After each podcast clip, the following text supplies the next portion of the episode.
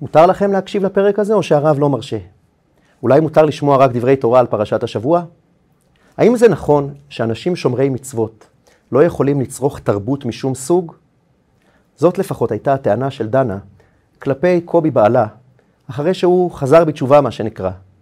דנה הרגישה שבעלה היקר חי תחת חוקי צנזורה, כי פתאום את זה אסור לו לראות, ולשם אסור לו ללכת, ובהופעה הזאת לא מתאים לו להשתתף. דנה חושבת ששערי עולם התרבות נסגרו בפניו. על הסיפור האמיתי של קובי ודנה דיברנו גם בשני הפרקים הקודמים. והפרק הזה, השלישי והאחרון, יעסוק ביחס הנכון לעולם התרבות והאומנות. אפשר לדון בזה כמובן מנקודת מבט של תורה ושל הלכה, אבל כמו שהדגשנו גם בפרקים הקודמים, הפרויקט שלנו מוקדש דווקא לזווית האנושית של הדברים. והפעם אנחנו ננסה ללמוד מה אומרים המחקרים במדעי החברה. מהי הדרך הנכונה והחכמה לבחור את התכנים שאנחנו צורכים בתוך השטף העצום של התוכן מכל הסוגים שמציף אותנו, במיוחד בדור האחרון. אז שלום, אנחנו בסדרת נקודת מפגש שמפגישה בין עולם התוכן היהודי לעולמות תוכן נוספים. אני הרב יצחק קפלן, ואם הנושאים האלה מעניינים אתכם, אתם מוזמנים כמובן לעקוב אחרי הערוץ שלנו. אז דנה שואלת, למה נראה שחוקי היהדות מבקשים להגביל ולכלוא את העולם העשיר של התרבות והאומנות? השאלה של דנה קשה במיוחד, דווקא בגלל שהבסיס של כל עולם התרבות והאומנות הוא לכאורה חופש מוחלט, חופש ביטוי וחופש יצירה. כל הרעיון של אומנות טובה זה היכולת לתת ביטוי אותנטי לנפש הייחודית של האומן, בלי מגבלות חיצוניות ובטח בלי צנזורה. כשאומרים אומן, מה הדימוי שעולה לנו בראש? של אדם שלא כפוף לתכתיבי החברה, שנאמן רק לתחושות הפנימיות שלו, ורק מתוך זה הוא מסוגל ליצור משהו בעל ערך. דרך הכלי של האומנות, האומן נותן ביטוי לכל הצדדים של הנפש, גם למה שאולי פחות מנומס או מקובל לבטא בחיים עצמם. ותמיד אומרים שדווקא מתוך כאב או חרדה או זעם נוצרות היצירות הטובות ביותר. ההנחה שמקובלת היום בכל העולם המערבי היא שאומנות צריכה להיות חופשית וסוערת, גם אם זה אלים וגם אם זה בוטה ולא הולם. כל עוד זה בא ממקום אותנטי, זה רצוי ואפילו נפלא. אם האומן שובר לגמרי את המוסכמות של החברה, יגידו עליו שהוא נועז ואמיץ. גם בתחום הבידור, למעט מגבלות קלות על ילדים, שאף אחד לא באמת יכול לאכוף בימינו, הכל הולך. אפשר להראות הכל ולהשמיע הכל. והטענה היא שאם זה קיים במציאות, ואם זה קיים בתוך הנפש שלנו, אז התפקיד של התרבות הוא לתת לזה ביטוי אותנטי. ולכן אם נרצה למשל ליצור ייצוג של עולם הפשע, נניח, אז הייצוג הזה צריך להיות הכי דומה לעולם האמיתי. למען האמת, פרויד טען טענה הרבה יותר מרחיקת לכת. פרויד חשב שלפעמים טוב לצפות בתכנים אלימים למשל. הוא חי כמובן לפני עידן הטלוויזיה. הוא חשב שהצפייה בתכנים כאלה נותנת פורקן לדחפים שקיימים בנו, שאנחנו לא יכולים לתת להם פורקן במציאות. הטענה הזאת היא מה שמכונה השערת הקתרזיס. פרויד התבונן בהתנהגות האנושית, במיוחד במלחמות האיומות שהתקיימו בזמנו וגבו מחיר בלתי נתפס. והוא הסיק שללא ספק יש בבני האדם דחפים תוקפניים טבעיים. ואם יש בנו כאלה דחפים, זה אומר שאנחנו חייבים לפרוק ולשחרר אותם באיזושהי צורה. לכן המסקנה שלו הייתה שכדאי מאוד למצוא דרכים לא אלימות לשחרר את הדחפים האלימים. איך? למשל, בסוגים מסוימים של משחק. יש משחקים שמאפשרים לשחרר תוקפנות באופן מותר. או, למשל, בצפייה בתכנים שיש בהם התנהגות אלימה. פרויד שאל מהעולם היווני את המושג קתרזיס, שמתאר במקור את השחרור והפורקן של רגשות שאדם חווה כשהוא צופה במחזה. אז פרויד חשב שבאופן דומה, כשאדם צופה בייצוג של התנהגות תוקפנית, זה מנקז מתוכו את הדחפים התוקפניים. ואם כך, כדאי ורצוי לצפות דווקא בתכנים שפונים ליצרים הנמוכים של האדם, כדי להביא שחרור ופורקן של היצרים האלה בדרך שלא גורמת נזק, במקום מצב שבו האדם יביא אותם לידי ביטוי בחיים עצמם. מכאן מגיעה הגישה שאומרת, בואו ניתן ביטוי להכל. בואו נשחרר את החולשות האנושיות שלנו דרך הייצוג האומנותי. הרי אף אחד פה לא מלאך. אז בואו לא נעמיד פנים שאנחנו מלאכים. בואו נפתח הכל. נדבר על הכל, נשיר על הכל, נציג הכל. זאת ההנחה שעומדת מאחורי תעשיית התרבות בעולם המערבי בימינו. יש רק בעיה קטנה. זה לא נכון. כלומר, במבחן המציאות, השערת הקתרזיס הוכחה כלא נכונה. פרויד היה פטור מלהעמיד את ההשערות שלו במבחן המציאות. מבחינתו זאת הייתה תורה מסיני. אבל בדור שאחריו כבר קמו כמה כופרים שהחליטו בכל זאת לבדוק אם יש משהו בדברים. והם ערכו מגוון רחב של מחקרים. למשל, מחקר שק האגרוף. לקחו קבוצה של אנשים ועצבנו אותם כהוגן, ואז נתנו לחלקם לחבוט בשק אגרוף כדי לשחרר קיטור. לקבוצה אחת אפילו אמרו לחשוב בשעת מעשה על האיש שעצבן אותם. מה היה אמור לקרות לפי השערת הקתרזיס? האנשים האלה היו אמורים להירגע. הרי אפשרו להם לתת פורקן סמלי לכעס ולתוקפנות שלהם. אבל זה לא מה שקרה. למעשה, קרה ההפך.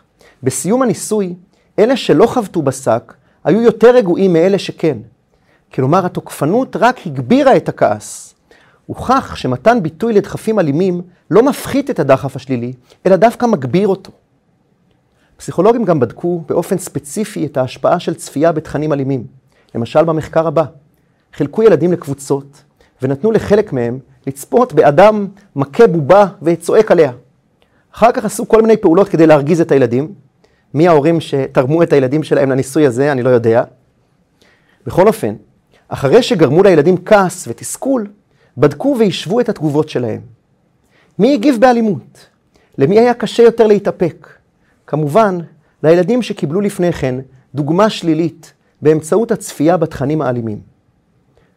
חוץ מהמחקר הקלאסי הזה שהתמקד בהשפעה של התכנים על ילדים, מחקרים אחרים בדקו את ההשפעה של צפייה באלימות על נערים מתבגרים, וגם את ההשפעה לטווח הארוך, על שנות הבגרות.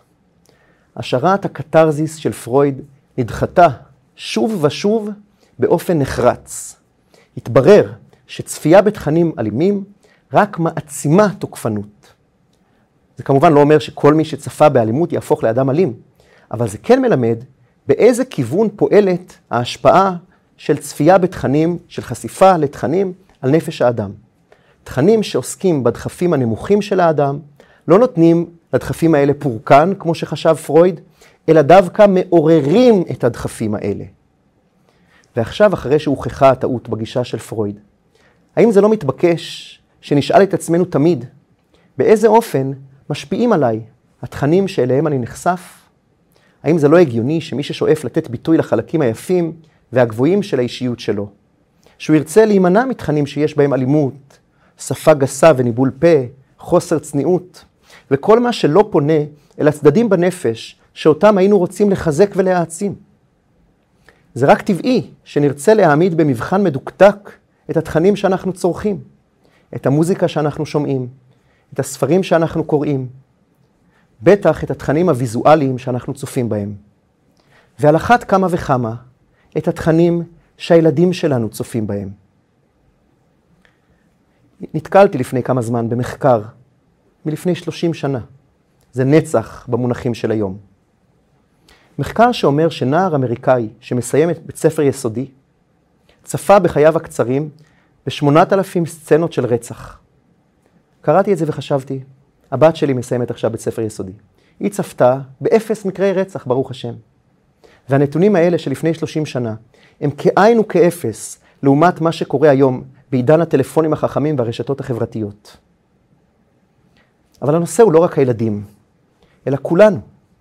האם לא כולנו צריכים לפתח את הרגישות שלנו וללמוד לשאול את עצמנו, אחרי שצרכנו כל סוג של תוכן, איך זה גרם לי להרגיש? על איזה צדדים בתוכי זה פעל והשפיע? אני זוכר שאמר לי פעם בחור צעיר בגילוי לב, אני יודע שצודקים המחנכים שלי, כשהם רוצים שאני אאזין למוזיקה מסוג מסוים, ולא למוזיקה מסוג אחר. אני פשוט מרגיש שיש שיר שגורם להתעלות והתעוררות חיובית. ויש שירים שכשאני מסיים לשמוע, אני מרגיש שאני רוצה, לא יודע מה, אבל לא דברים טובים. ואתם יודעים מה? התובנה הזאת על הדרך שבה האומנות משפיעה עלינו, לא מקטינה את החשיבות של האומנות לסוגיה בחיים שלנו, אלא רק מעניקה לה תפקיד אחר, אולי הרבה יותר חשוב. וכאן אולי וידוי קטן. עד לפני כמה שנים קצת זלזלתי, כששמעתי נניח זמרים שמדברים על העבודה שלהם ואומרים, אני רק רוצה לשמח את עם ישראל. או דיבורים דומים בסגנון אברהם פריד, יש לי שליחות להביא שמחה, להביא חיזוק ללבבות. זה נשמע כמו דרך כל כך חסרת השראה לתאר את הזהות שלך כאומן וכיוצר. והרבה פעמים זה גם לא נשמע אמין במיוחד, כאילו מדקלמים איזו סיסמה. עד שיום אחד תפסתי שזה אומן שממלא את תפקידו. הוא מודע ליכולת שלו להשפיע על הנפש של המאזינים. לכן הוא מחפש להעביר בשירים שלו מסרים מחזקים, מסרים אופטימיים. הוא מרגיש שיש לו אחריות להביא אור לחיים של האנשים, להעצים, לתת עידוד. התפקיד שלי כאומן הוא לא להקיא לך, המאזין, את חיבוטי הנפש שלי, אלא להשתמש בכוח שלי, במתנה הנפלאה שקיבלתי מבורא העולם, באופן שיעורר בך את הכוחות החיוביים שלך. וכן, זאת שליחות. זאת בדיוק שליחות. אם קיבלת כישרון מיוחד, ראייה והסתכלות מיוחדת על המציאות כמו שיש לאומן, יש לך שליחות. באחד מהסרטונים המוכרים של חלוקת הדולרים אצל הרבי מלובביץ', יש רגע אחד שבעיניי הוא מדהים. עובר צלם, אני אפילו לא בטוח שהצלם הזה יהודי. הוא עובר עם המצלמה שלו מול פניו של הרבי, והרבי אומר לו באנגלית, אומרים שתמונה אחת יכולה לפעול יותר מאלף מילים. זה כמובן פתגם מוכר ומפורסם, אבל שימו לב לשינוי הקטן. הקטן? הענק. הפתגם המקורי הוא תמונה אחת שווה אלף מילים. ומה אומר הרבי? הגרסה של הרבי תמונה אחת יכולה לפעול יותר מאלף מילים. אם תמונה שווה אלף מילים, ואתה הצלם יכול ליצור תמונה כזאת, זה מיד מתורגם לתפקיד ולשליחות שמוטלת עליך הצלם. תראה איזה כוח יש לך בידיים. תראה כמה אתה יכול לפעול ולהשפיע. הנה, אני עמדתי כאן עכשיו ודיברתי אלף מילים ויותר, אבל צלם טוב בתמונה אחת היה יכול להעביר מסר הרבה יותר חזק. ואם יש לך כוח כזה, אז יש לך אחריות, יש לך שליחות, יש לך כוח לשנות את העולם, אז תשנה אותו לטובה. זאת פשוט דרך אחרת להבין את תפקידה של האומנות. האומנות היא כלי עצום, שיש לו יכולת להשפיע על הנפש ולעורר בה כוחות שונים. ולכן אנחנו צריכים לנצל את הכלי הזה על מנת לעורר את החלקים הטובים והנעלים שלנו, ולא חלילה את החלקים האחרים. אמנם אסור להכחיש שיש כאן מלכודת מסוימת שאפשר ליפול בה. כי כשיש מסרים נכונים ומוכתבים מראש שהאומן אמור להעביר, אז היצירה עלולה להיות מן השפה ולחוץ בלבד. ואז זאת תהיה יצירה חסרת השראה, ולכן גם חסרת השפעה אמיתית. כי הרי רק דברים היוצאים מן הלב נכנסים אל הלב. האתגר הוא לדבר אמת, ליצור יצירה אותנטית, מתוך חיבור למקומות העמוקים בנפש שלנו, אבל להביא לידי ביטוי רק את המקומות היפים, מתוך שאיפה לעורר את המקומות האלה בדיוק, אצל מי שיצרוך את התכנים שלנו. זה התפקיד של האומן. והתפקיד של הצרכן, הצופה והמאזין, הוא לבחור בתבונה את התכנים שבהם הוא רוצה לצפות, ואליהם הוא רוצה להיחשף. וכמו שאני לא ארצה להזין את הגוף שלי במזון מקולקל, כך, ועל אחת כמה וכמה, שלא אתן מזון, מזון מקולקל ורעיל לנפש שלי. צריך רק לדאוג שיהיה עוד ועוד מזון טוב ובריא ומזין וגם טעים לנפש שלנו, עד שאפילו דנה לא תרגיש שמשהו חסר. זאת בהחלט משימה שמונחת לפתחה של החברה שלנו. ואם אתה או את שצופים בנו עכשיו, מרגישים שיש לכם מה לתרום בנושא הזה, מי יודע, אולי זאת גם האחריות והשליחות שלכם. בהצלחה.